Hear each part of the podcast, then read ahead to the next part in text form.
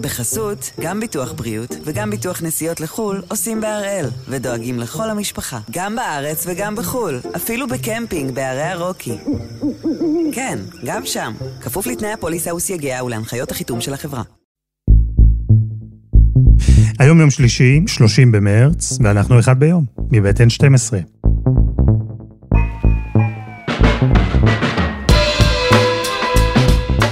אלעד שמחיוף, ואנחנו כאן כדי להבין טוב יותר מה קורה סביבנו. סיפור אחד ביום, כל יום. בסוף חודש מרץ, בדיוק לפני שנה, התייצב נשיא הוועד האולימפי בפני העולם וניסה לעשות טריק תודעתי. Dear fellow athletes, let me start with the good news first. We all will be able to celebrate the Olympic Games Tokyo 2020, even if it's only in 21. אפתח בחדשות הטובות, הוא הצהיר, נוכל לחגוג את אולימפיאדת טוקיו 2020, גם אם ב-2021.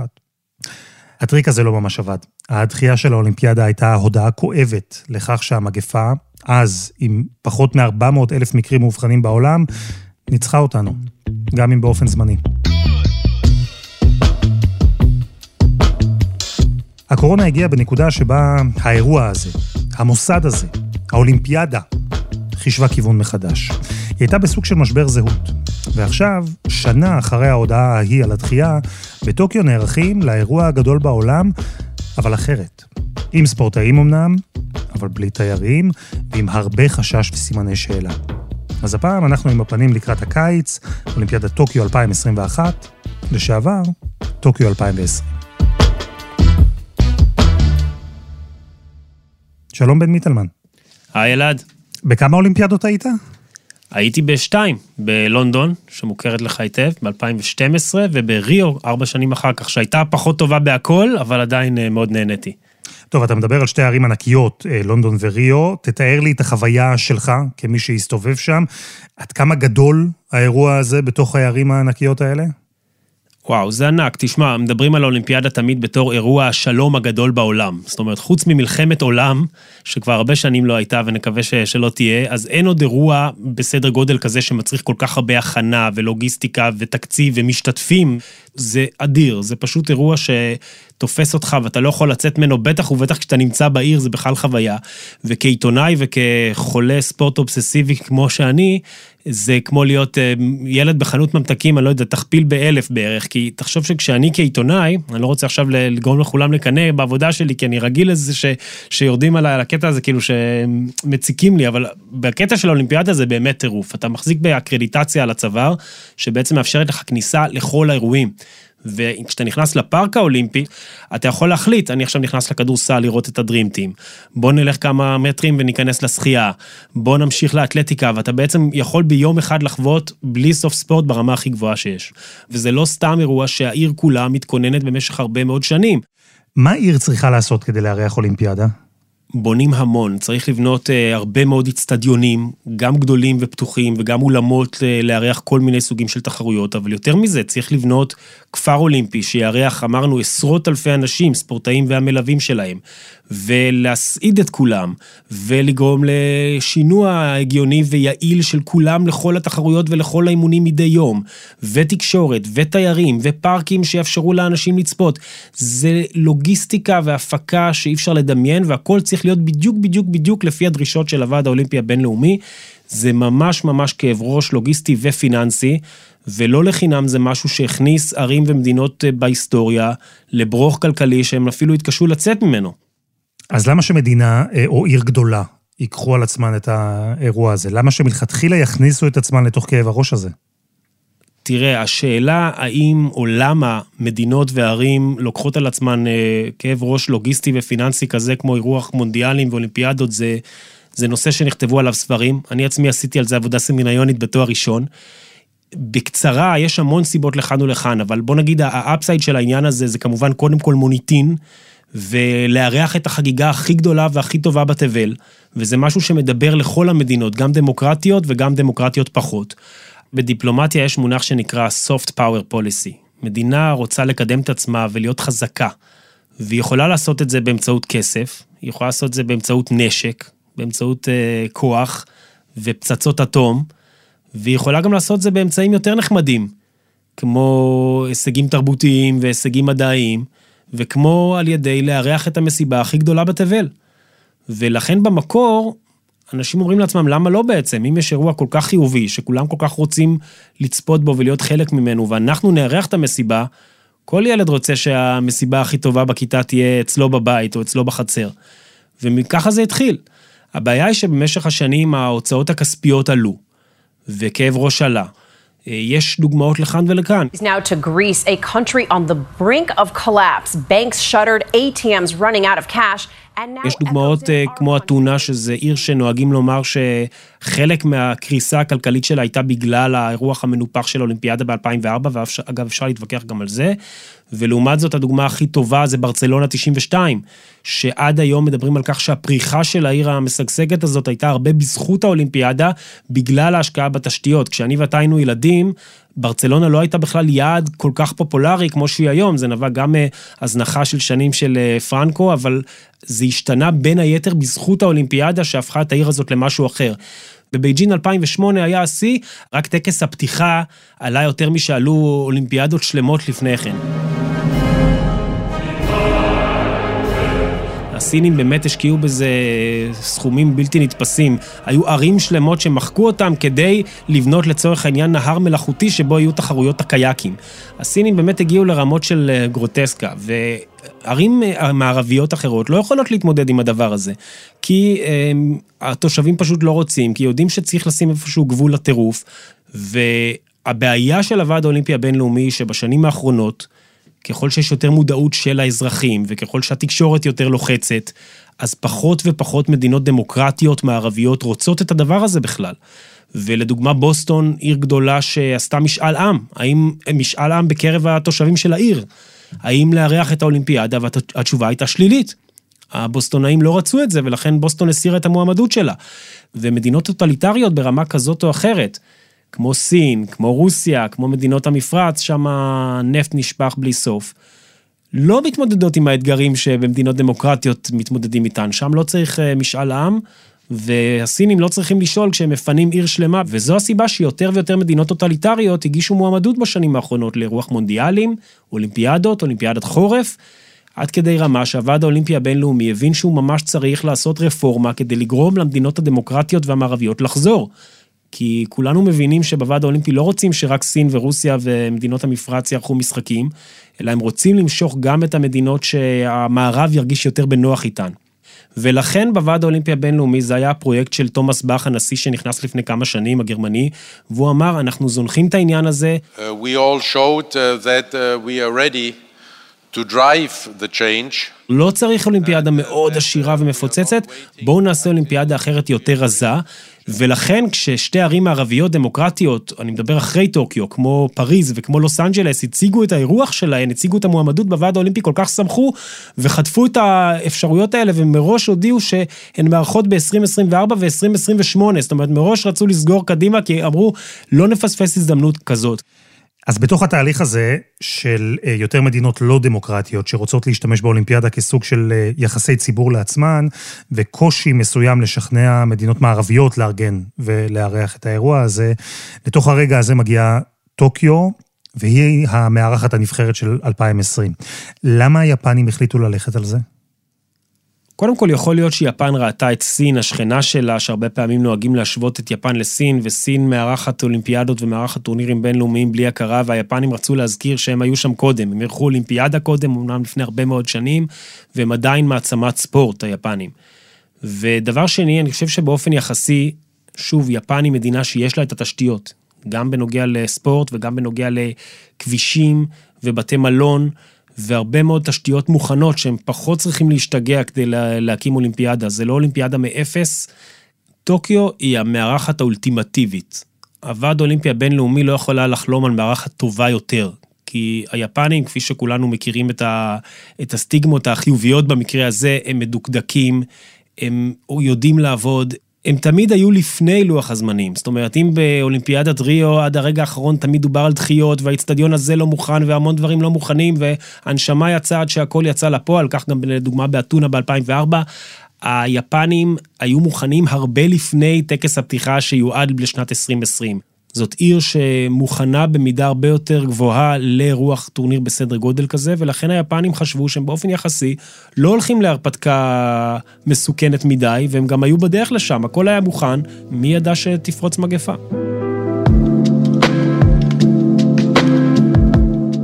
אה, וכאן אנחנו מגיעים למגפת הקורונה שפורצת, ואמרנו שהאולימפיאדה כמוסד אה, נמצא בצומת שלא ברור לאן הוא הולך. זה היה בלתי נמנע, אבל היום הופך לרשמי. אולימפיאדת טוקיו שהייתה אמורה להיערך בקיץ תידחה בשנה בין... ביפן הודיעו רשמית, תיירים לא יורשו לצפות באולימפיאדה, אחרי שנדחו בשנה בשל הקורונה. ורק אחרי ששורה של אירועים בינלאומיים גדולים בוטלו או נדחו, מגיעה ההחלטה הזו לדחות את האולימפיאדה. אה, אני מעריך שזו לא הייתה החלטה קלה. הכי קשה שיכולה להיות, אני בטוח, ולא לחינם בוועד האולימפי הבינלאומי ניסו לדחות כמה שאפשר את ההחלטה הזאת, וגם כשכל התקשורת, והיו דיווחים ענקיים בכלי תקשורת בעולם על כך שהאולימפיאדה תידחה, עדיין בוועד האולימפי אה, נאחזו ואמרו, לא, לא קיבלנו שום החלטה וזה לא בטוח. תשמע, אנחנו מדברים פה על אירוע, האולימפיאדה, שלמעט שתי מלחמות עולם, לא נדחה מעולם. פעם האחרונה שאולימפיאדה נדחתה הייתה מלחמת העולם השנייה. ומעבר לזה, זה כמו שעון שוויצרי, ולא סתם הוועד האולימפי יושב בשוויץ, כל ארבע שנים בקיץ יש אולימפיאדה. באמת ניסו לחשוב על כל דרך אפשרית לקיים אותה במועדה, וכשהבינו שהם אה, נלחמים נגד עצמם ואין שום סיכוי, אז uh, נגמר הסיפור. ועבור ספורטאי, שבעצם כל החיים שלו מתכונן לרגע הזה, מה המשמעות של דחיית האולימפיאדה בשנה? זה נזק עצום בכל המישורים, בעיקר בעניין המנטלי. אתה, כמו שאתה אומר, אתה לא רק ארבע שנים, אלא בהרבה מקרים חיים שלמים מתכונן בדיוק לרגע הזה. קח אה, אצן של 100 מטר, אתה מתכונן ומכין את עצמך חיים שלמים לפרק זמן של פחות מעשר שניות, שבו כל העולם מסתכל עליך, ופתאום, אפשר להגיד ברגע אחד, אומרים לך, stop, זה לא קורה השנה, זה יקרה שנה הבאה. וזה מאוד משמעותי מבחינת ההכנה, מבחינה פיזיולוגית, מבחינת זה שאתה באמת מכין את עצמך כמה שנים להיות ב peak בתקופה מאוד מאוד מסוימת, ופתאום אתה יודע שהכל משתנה, ויש לך עוד שנה שלמה להמשיך. תאר, תאר לעצמך שאתה רץ מרתון, אתה חושב שהגעת לקו הסיום, ואז אומרים לך, אה, סליחה, בוא תמשיך עוד אה, הרבה קילומטרים, כי קו הסיום הוא בכלל הרחק הרחק שם. וזה גם מכניס את הספורטאים למצב של בלבול ולמצב שלא נתקלנו בו בעבר. קח לדוגמה בישראל ספורטאי כמו שחר צוברי, הגולש, מדליסט אולימפי לשעבר. ושחר צוברי כבר היה לו את הכרטיס לאולימפיאדת טוקיו ביד. הוא ניצח את היתר הגולשים הישראלים והוא ידע שהוא מייצג אותנו, ואז באיגוד השייט הישראלי אומרים לו, סליחה שחר, אתה אמנם השגת את הכרטיס, אבל עכשיו, מכיוון שיש עוד שנה שלמה, אנחנו לא רוצים להרדים את כל המערכת, ולכן אנחנו פותחים מחדש את התחרות. וצוברי אמר, סליחה? הייתה תחרות פיירית, אני ניצחתי בצדק, אני השגתי את הכרטיס, באיזה רשות אתם עכשיו פותחים את התחרות מחדש? וגור שטיינברג, המאמן של הנבחרת, אמר לו, נכון, הייתה תחרות, ניצחת, אבל לא לקחנו בחשבון את הקורונה. והתחרות מבוססת על זה שהגולש בכושר הכי טוב רגע לפני האולימפיאדה, הוא זה שייצג אותנו. אתה אומר, זה כבר היה אצלי ביד ולקחו לי את זה. וגם את העניין, ש... את השחיקה. השחיקה המנטלית, הפיזית, שאתה מתכונן. התחלתי להגביר לישורת האחרונה, לספרינט האחרון, ופתאום מאריכים לך בעוד סיבוב. ואתה צריך למצוא את הכוחות המחודשים. אבל, אה, אבל בסוף זה לכולם, וזה חלק מהמשחק, נהיה חלק מהמשחק. אז הם מתמודדים עם זה, כמו שמתמודדים עם כל מכשול, עם כל מהמורה בדרך. וזה דורש מספורטאי כמו צוברי להיערך מחדש לתחרות שהוא כבר ניצח בה. זה מאוד מאוד קשה, גם פיזית וגם מנטלית. כרגע שחר עדיין מוביל והוא נראה בדרך לייצג אותנו גם בטוקיו, מה שצפויה להיות האולימפיאדה הרביעית שלו. ומעבר לשחר צוברי, אה, יתר המשלחת הישראלית, איך היא מגיעה לאולימפיאדה של עידן הקורונה? אז כמו לספורטאים בכל העולם, גם למשלחת הישראלית, לוועד האולימפי הישראלי, זו הייתה שנה מאוד מאוד קשה, גם בגלל אובדן ההכנסות בשנה שאמורה להיות השנה הכי מכניסה, וגם להתכונן באי-ודאות שכזאת לטורניר. זה תופס דווקא את המשלחת הישראלית במצב טוב, כי אנחנו מדברים כרגע על משלחת, אתה יודע, אנחנו נוהגים להיות בדרך כלל בספורט אופטימיים יותר לפני מאשר, אה, מאשר במהלך, אבל במקרה הזה אני חושב שבאמת יש לישראל משלחת מעולה, אם אני מדבר על, אה, בסטנדרטים שלנו כמובן. אם אני מדבר על לינוי אשרם, המתעמלת, שהיא בסבירות מאוד מאוד מאוד גבוהה, תביא מדליה היסטורית לישראל בהתעמלות אומנותית. אם אני מדבר על הג'ודו, שיש כמה ג'ודאים מאוד חזקים. אם אני מדבר על ענף השייט, שאחרי כמה שנים קשות חזר ונראה עכשיו טוב, גם בגברים וגם בנשים. זאת אומרת, אני מהמר שיהיה לישראל יותר ממדליה אחת באולימפיאדה, ואולי בניגוד לאולימפיאדה הקודמת, לא שתי מדליות ארד, אלא בצבעים אפילו טובים יותר. אבל שוב, זה לא פשוט להיות ספורטאי אולימפי אף פעם, ובטח לא בשנה הזאת. טוב, דיברנו על הספורטאים, אבל יש פה משמעויות הרבה יותר גדולות בעצם, כי אולימפיאדה שנערכת באיחור של שנה, ועוד בלי קהל בינלאומי, בלי תיירים, רק יפנים מקומיים ירשו להיכנס לאצטדיונים, זה דבר מטורף בהתחשב בהשקעה הכלכלית האדירה. זה הרבה מאוד כסף שהולך לפח. כי אתה יודע, אפילו ברמת הנדל"ן, ברמת ה... דיברנו קודם על הרצון למחזר אה, אולמות ומבנים. שידעו שבקיץ 2020 הם מתפנים אחר כך ויכולים להכניס כסף מדברים אחרים, לדוגמה מהופעות תרבות, מקונגרסים, מאלף ואחד דברים, ועכשיו צריכים להחזיק שנה שלמה את המבנים האלה ריקים. זה נכון לגבי הרבה מאוד אנשים שמקבלים משכורת וצריכים להמשיך לקבל את המשכורת הזאת למשך אה, שנה נוספת. זה נכון לגבי הכנות של בתי מלון ומסעדות וכל כך הרבה אנשים שקיוו וידעו שב-2020 הם מקבלים את הבוסט שהם חיכו לו המון שנים ועכשיו אה, גם זה לא, לא יקרה כנראה כי לא יגיעו תיירים מכל העולם, אז אף אחד לא יחזיר את הכסף לבאמת הרבה מאוד אנשים שהולכים לסבול מזה. יש לנו מספר? אנחנו יודעים כמה הדחייה הזו עלתה? מה הנזק הכלכלי שלה? הערכות שבסך הכל נוספו לתקציב כ-2.8 מיליארד דולר, זה רק בגלל הדחייה, מה שלקח בסך הכל את העלות הכוללת של המשחקים למעלה מ-15 מיליארד דולר. אבל קח בחשבון שתמיד כשאנחנו מדברים על מספרים כל כך גבוהים באירועים מהסוג הזה, קשה מאוד לכמת בדיוק, קשה לדבר עם כל יפני או יפנית ש... שהפסיד את הכסף שלו, הפסיד את התחזית שלו, הפסיד את הציפייה להכנסה, ואנחנו מדברים על מספרים שהם מאוד מאוד גבוהים.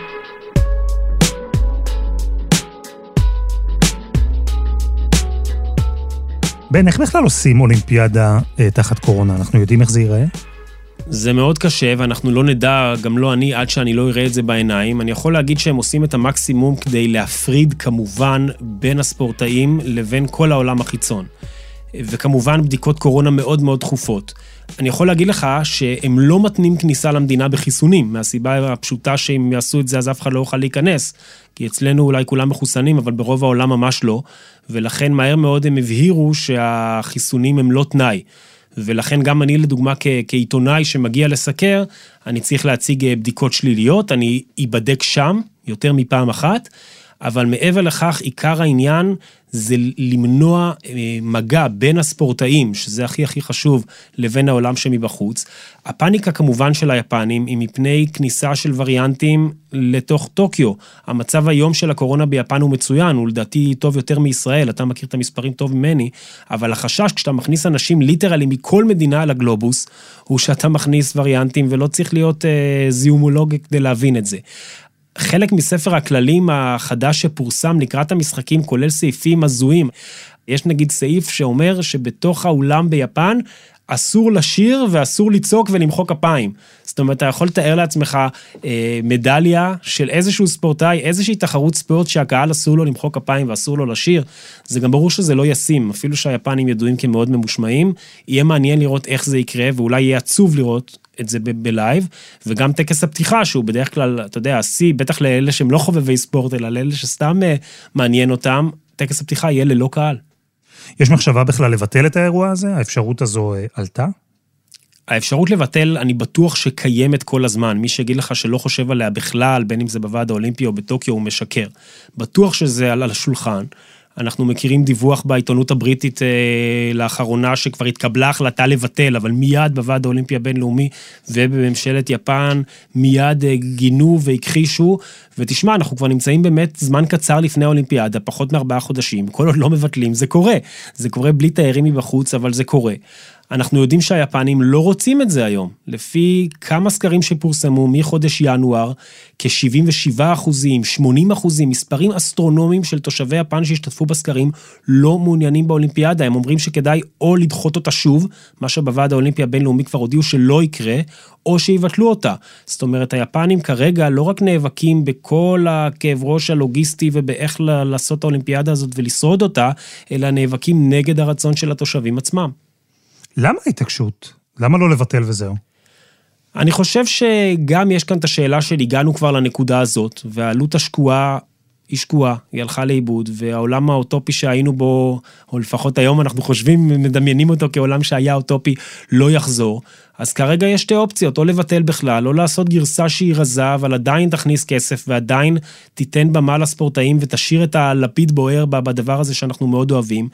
ויותר מזה, אני רוצה להגיד לך שיש איזושהי מחשבה אופטימית, שאולי היא אפילו קצת ריאלית, אלא בנקודה שאנחנו נמצאים בה, בטח כאן בישראל יותר קל להגיד, שאם המשחקים האלה כן יצאו לדרך, והלפיד האולימפי יבער, וטקס הפתיחה יצא לדרך, והעולם כן יצפה בזה ויתרגש, זאת תהיה איזושהי נקודת ציון היסטורית של ניצחון האנושות על המגפה הזאת. אנחנו נדבר על כך שהנה סיימנו שנה או יותר איומה, עם כל כך הרבה סבל ומתים ופגיעה כלכלית, שכל העולם משתבש, אבל הנה בסופו של דבר האנושות חזקה יותר מהכל, והספורט והאירוע שהוא, התחלנו ואמרנו, אירוע השלום הגדול בעולם, ספורטאים מכל העולם שבאים להיאבק ולהתחרות אחד בשני, והאירוע הזה יוצא לדרך בכל זאת, ובכל העולם יצפו ויתרגשו. אני בטוח שהיפנים מסתכלים על הרגע הזה, מחכים לו, ויכולים להגיד אולי אולי בסוף כל זה יהיה שווה.